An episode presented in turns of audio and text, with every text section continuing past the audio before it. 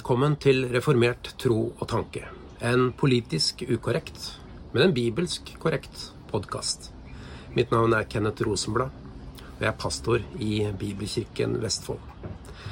Dette er del to av en undervisningsserie på tre deler, hvor vi våger å stille spørsmålstegn ved den dispensasjonalistiske læren. Eller tidshusholdningslæren, som mange kjenner den som.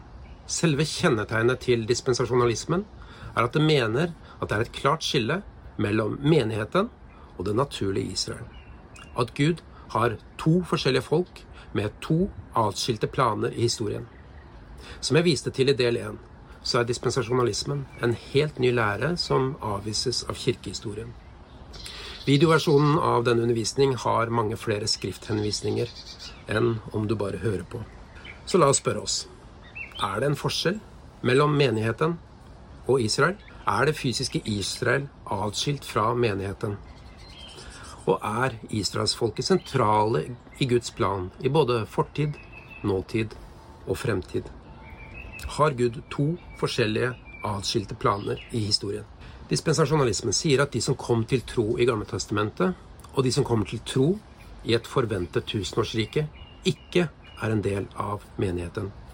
Altså at det er for dispensasjonalismen en betydelig forskjell på Guds plan for Israel og Guds plan for menigheten. Gud har, ifølge dispensasjonalismen, to folk og to distinkte planer. Dette er essensen av læren. Om denne delen av læren ikke holder mål, så kollapser også mange av de andre læresetningene som en dispensasjonalist holder fast på. Den reformerte lære mener at det nå fremfor Gud ikke er forskjell på Israel og menigheten. Vi er alle én menighet. Ett legeme i én kropp, hvor hodet er Jesus. Gud har kun én plan for ett folk. Det betyr ikke at dispensasjonalismen lærer bort to forskjellige frelsesveier, selv om det er momenter her som gjør det vanskelig å helt fastslå det. Så da er hovedspørsmålet har Gud to folk? Svaret er nei. Gud har ifølge Bibelen kun ett folk menigheten. Det inkluderer Abel, deretter i slektslinje, før det utvikler seg til å bli Abraham, Isak, Jakob, hvorav de tolv stammene kom og dannet nasjonen Israel. Og vi ser trosheltene i Hebrevbrevet kapittel 11 og den rest som Gud bevarte gjennom hele Gamle testamentet og nå også hedninger. Hva sier Paulus? Er det to folk eller ett? I Titus kapittel 2 vers 14 så sier han om Jesus, han som ga seg selv for oss, for å løse oss ut fra all lovløshet og rense for seg selv et eiendomsfolk som med iver gjør gode gjerninger. Her kaller Paulus oss, menigheten, et eiendomsfolk. Det er en benevnelse som er reservert og eksklusivt omtaler kun Israel flere steder i Gamle Testamentet. Vi ser det bl.a. i 5. Mosebok kapittel 14 vers 2. Deg har Herren din Gud utvalgt av alle folk på jorden til å være hans eiendomsfolk. Det ville vært freidig og ikke minst blasfemisk av Paulus å kalle menigheten for Guds eiendomsfolk, når han visste at dette ordet kun ble brukt om Guds Israel i Gamle Testamentet. Også Peter gjør det, og kanskje mer omfattende. Men dere er en utvalgt ett, et kongelig presteskap, et hellig folk, et folk til eiendom, for at dere skal forkynne Hans storhet, Han som kalte dere fra mørket til sitt underfulle lys, dere som før ikke var et folk, men nå er blitt Guds folk dere som før ikke hadde funnet miskunn, men nå har fått miskunn. Når vi da sammenligner det med omtalelsen av Israel i Gamle Testamentet Dere skal være et kongerike av prester for meg, og et hellig folk. Dette er de ordene du skal tale til Israels barn. Kongelig presteskap og eiendomsfolk og et hellig folk. Dette er motiver og terminologi som utelukkende tilhører israelsfolket.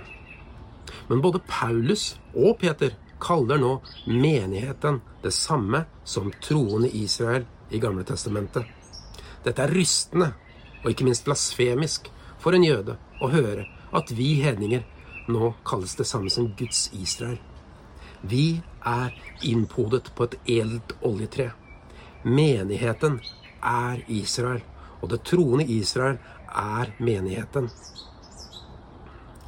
Hvem er Israel? Paulus sier også, husk at dere på den tid var uten Kristus, utestengt fra Israels borgerrett og fremmede for paktene med deres løfte. Her kommer det tydelig frem at vi nå altså har Israels borgerrett. Vi er med andre ord, i åndelig forstand, en israelsk statsborger. Vi har de samme rettighetene som Guds folk fordi vi nå er Abrahams ett og arvinger, slik det står i Galaterne. Og hører dere Kristus til, da er dere Abrahams ett og arvinger ifølge løftet. Det er altså kun ett Guds folk som består av troende jøder og troende hedninger fra både gammeltestamentlig tid og nytestamentlig tid. For ikke den er jøde som er det i det ytre. Heller ikke er det omskjærelse, det som gjøres i det åpenbare, på kjødet. Men den som er jøde i det skjulte, han er jøde. Og omskjærelsen er hjertets omskjærelse i ånden, ikke i bokstaven. En jøde, en etterkommer av Abraham, er altså ikke automatisk med i Guds Israel. Det er kun de som er omskjært på hjertet og tjener Gud i Hans ånd. Altså alle de troende. For ikke alle som stammer fra Israel, er virkelig Israel. For det er vi som er de omskårne. Vi som tjener Gud i Hans ånd og roser oss i Kristus Jesus og som ikke setter vår lit til kjød. Vi finner menigheten også i Gamletestamentet, selv om dispensasjonalismen påstår at det der er et ukjent konsept. Men det har alltid vært én rest av Israel som ikke ga seg over til avguder. Det at vi har blitt en del av Guds menighet, degraderer ikke israelsfolket. De er fortsatt en utvalgt folk som Gud åpenbarte seg for i Gamletestamentet, og som Messias er født fra. Dette er ikke en erstatningsteologi, som ofte blir feilaktig sagt om reformert lære. Det er ikke slik at Gud har forkastet sitt folk. Langt derifra. Jødene har en fordel, på lik linje som et barn som blir født i en kristen familie hvor Bibelen blir lest. Begge blir berørt av evangeliet, som kaller til tro på Guds sønn, og begge blir ansvarliggjort på dommens dag ut ifra det fortrinnet de har hatt. Utover dette så har altså jøden ikke noe fortrinn, ettersom vi alle er syndere.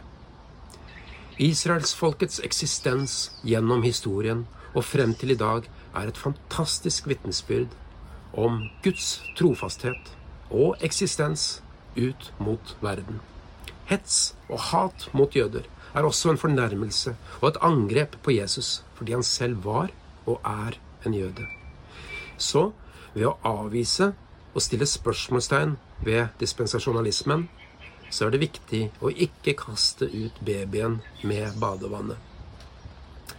Vi er altså kun ett folk, kun bestående av de som er rettferdiggjort ved tro. La oss se mer i Nytestamentet Les selv i Efeserbrevet kapittel 2 vers 14-22 og se hvilken naturlig tolkning som kommer av det skriftstedet. Vi ser på apostelgjerningene kapittel 10. Peter begynte da å tale i Kornelius' hus, og han sa, Jeg skjønner i sannhet at Gud ikke gjør forskjell på folk.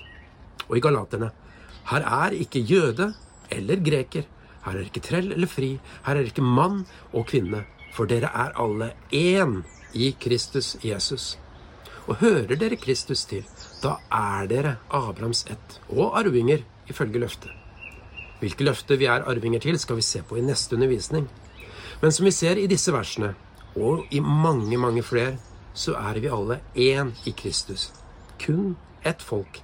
Helt på lik linje med alle de andre troende i Gamletestamentet. For med én ånd ble vi alle døpt til å være ett legeme enten vi er jøder eller greker, treller eller fri. Vi blir alle til ett legeme, ikke to. Kun ett folk av både jøder og grekere, for her er ikke greker eller jøde, omskåret eller uomskåret, barbar, skyter, trell, fri. Kristus er alt og i alle. Og det gjelder da selvfølgelig også alle de troende i Gamle Testamentet, for ingen kommer til Faderen uten gjennom Jesus. Vi er en utvalgt ett. Dere som før ikke var et folk, men nå er blitt Guds folk. Dere som før ikke hadde funnet miskunn, men nå har fått miskunn. Vi har blitt Guds folk, slik som de troende Israel i Gamle Testamentet, innpodet på det edle oliventreet som vi ser i Romerne kapittel 11. Og legg merke til, det er der kun ett tre, ikke to, kun ett tre som har kun én rot. Hva da? Har jøden noe fortrinn? Nei, slett ikke. Paulus har jo allerede anklaget både jøder og grekere for at de alle er under synd. Så jøden har ikke noe fortrinn, for de er også syndere. Her er ikke forskjell på jøde og greker. Alle har de samme Herre, som er rik nok for alle som påkaller ham. Som vi leser i Romerbrevet kapittel 2, vers 28 og 29, så har vi hjertets omskjærelse i ånden på lik linje som våre troende jøder. Og når vi leser videre i Romerne at Abraham fikk omskjærelsens tegn til seil på den rettferdighet av tro som han hadde fått da han var uomskåret, slik skulle han være far til alle de troende som er uomskåret. Så rettferdigheten kunne bli tilregnet også dem. Og likeså far til de omskårne, som ikke bare har omskjærelsen, men også følger i fotsporene av den tro som vår far Abraham hadde da han var uomskåret. Er det en logikk i at vi alle nå har Abraham til far, men er to forskjellige folk som opererer under to forskjellige planer? Romerne kapittel 9. Men ikke så at Guds ord skulle ha slått feil. For ikke alle som stammer fra Israel, er virkelig Israel. Heller ikke alle Abrahams etterkommere er derfor Abrahams barn. For i Isak skal det nevnes deg én ett. Det vil si, ikke kjødets barn er Guds barn, men løftets barn regnes til etten. Det fysiske Israel, eller det naturlige Israel, eller nasjonen Israel, er ikke Guds folk om de ikke er rettferdiggjort av tro. Det betyr ikke at de er uten betydning, slik vi allerede har sett på. En jøde som er rettferdiggjort av tro, enten i Gamle testamentet eller i Nyttestamentet, er Guds folk og er en del av menigheten. Det er ikke noe som tilsier at de skal være atskilt. De er begge det sanne Israel, på lik linje som du og jeg er Guds folk, det sanne Israel. Vi er altså kun ett folk. Det kommer klart frem i Romerbrevet kapittel 11 vers 13 og videre. Vi som hedninger er nå innpodet på ett oliventre. Disse versene og konklusjonene er jo egentlig dispensasjonalismen stort sett enig i, fordi det kommer jo veldig klart frem i Skriften. Allikevel, på tross av dette, så mener fortsatt dispensasjonalismen at Gud har to folk. Det er så viktig for deres lære. For hvis det ikke er behov for en atskilt plan for Israel, så er det heller ikke behov for et fremtidig tusenårsrike, hvor Gud skal få anledning til å gjennomføre sin plan og sine løfter. Og dermed kollapser dispensasjonalismen. Guds Israel var menigheten i Gamle Testamentet, og menigheten er Guds Israel i Nytestamentet. For løftene ble gitt til Abraham og hans ett. Han sier ikke 'og til dine ettlinger' som om det gjaldt mange, men som når det gjelder én og din ett. Og dette er Kristus. Dette er en del av evangeliet. Abrahams ett er kun én, altså ett folk, og det er Kristus. Reformert teologi, paktsteologi, lærer at Guds folk, menigheten, består av alle troende, fra alle folkeslag, gjennom alle tidsaldre, både fortid, nåtid og fremtid, at det er kun én kropp. Det er kun én ett. Det er kun ett oliventre som har kun én rot. Og den kroppen, den etten, det oliventreet, er Jesus Kristus, vår Herre og Frelser. Så hvordan kan dispensasjonalismen fortsatt holde fast til den konklusjonen at det er to folk? Vel, ironisk nok så er et av argumentene basert på noen av de samme tekstene som jeg har vist til. Altså, hvis det er kun ett folk, så ville det ikke stått ordene både jøde og greker. Det ville ikke stått Israel og hedninger hvis det var kun et folk. Vi må huske på at det skrives i en kontekst hvor jøder så på seg selv som Guds spesielle, utvalgte folk på bakgrunn av at de hadde Abraham til far. Men mange av dem slet nå med tanken på at hedningene også skulle være innpodet i denne familien. Så derfor påpekes dette så betraktelig og omfattende som vi har sett på i flere bibelvers nå. Og da er det naturlig å si, kanskje for å få det inn med teskje, til jøder og grekere at de er ett. Ikke at de er to, fordi det blir benevnt forskjellig. Da blir jo det totalt motsatt av hva teksten faktisk prøver å formidle. Om jeg sier at jeg er glad i familien min og menigheten, så betyr ikke det automatisk at familien min ikke er en del av menigheten. Det betyr heller ikke at menigheten ikke er en del av familien min, selv om jeg benevner dem forskjellig. Hva da med Markus kapittel 16 vers 7? Men gå og si til disiplene hans og til Peter. Er da Peter ikke en del av disiplene hans fordi han nevnes utenom eller i tillegg til disiplene? Nei, selvfølgelig ikke. Vi skal være litt forsiktige med å plukke slike argumenter ut fra tekster som formidler noe helt annet. Vi må se på helheten. Summen av Guds ord er sannhet. Og med alle versene som vi har sett på, så sier helheten at vi er kun et folk. Og det er ingenting som tilsier at det er en annen separat plan for et annet folk. For å få til det så må man putte inn noen antagelser. Og man må unngå å forstå Gamletestamentet ved hjelp og ved bruk av Nytestamentet.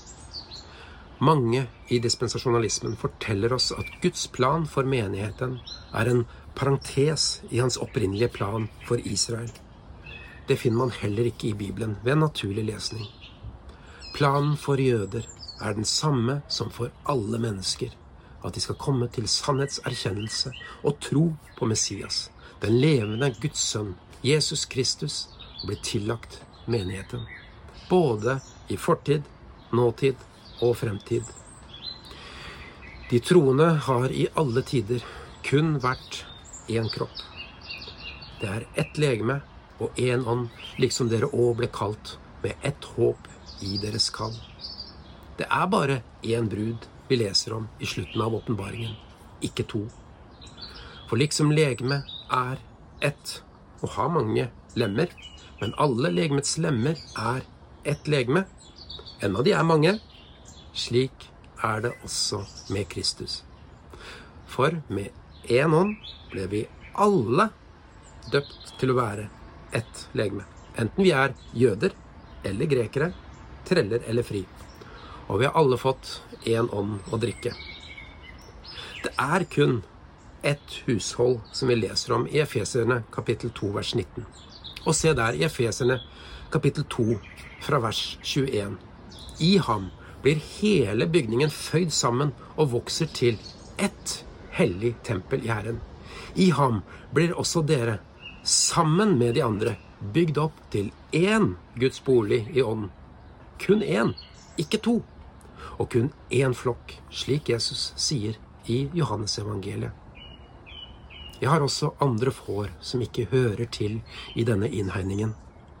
Også dem må jeg lede, og de skal høre min røst, og det skal bli én jord og én hyrde. Vi ble innpodet og fikk ta del i den innhegningen som vi ikke hørte til. Guds fred.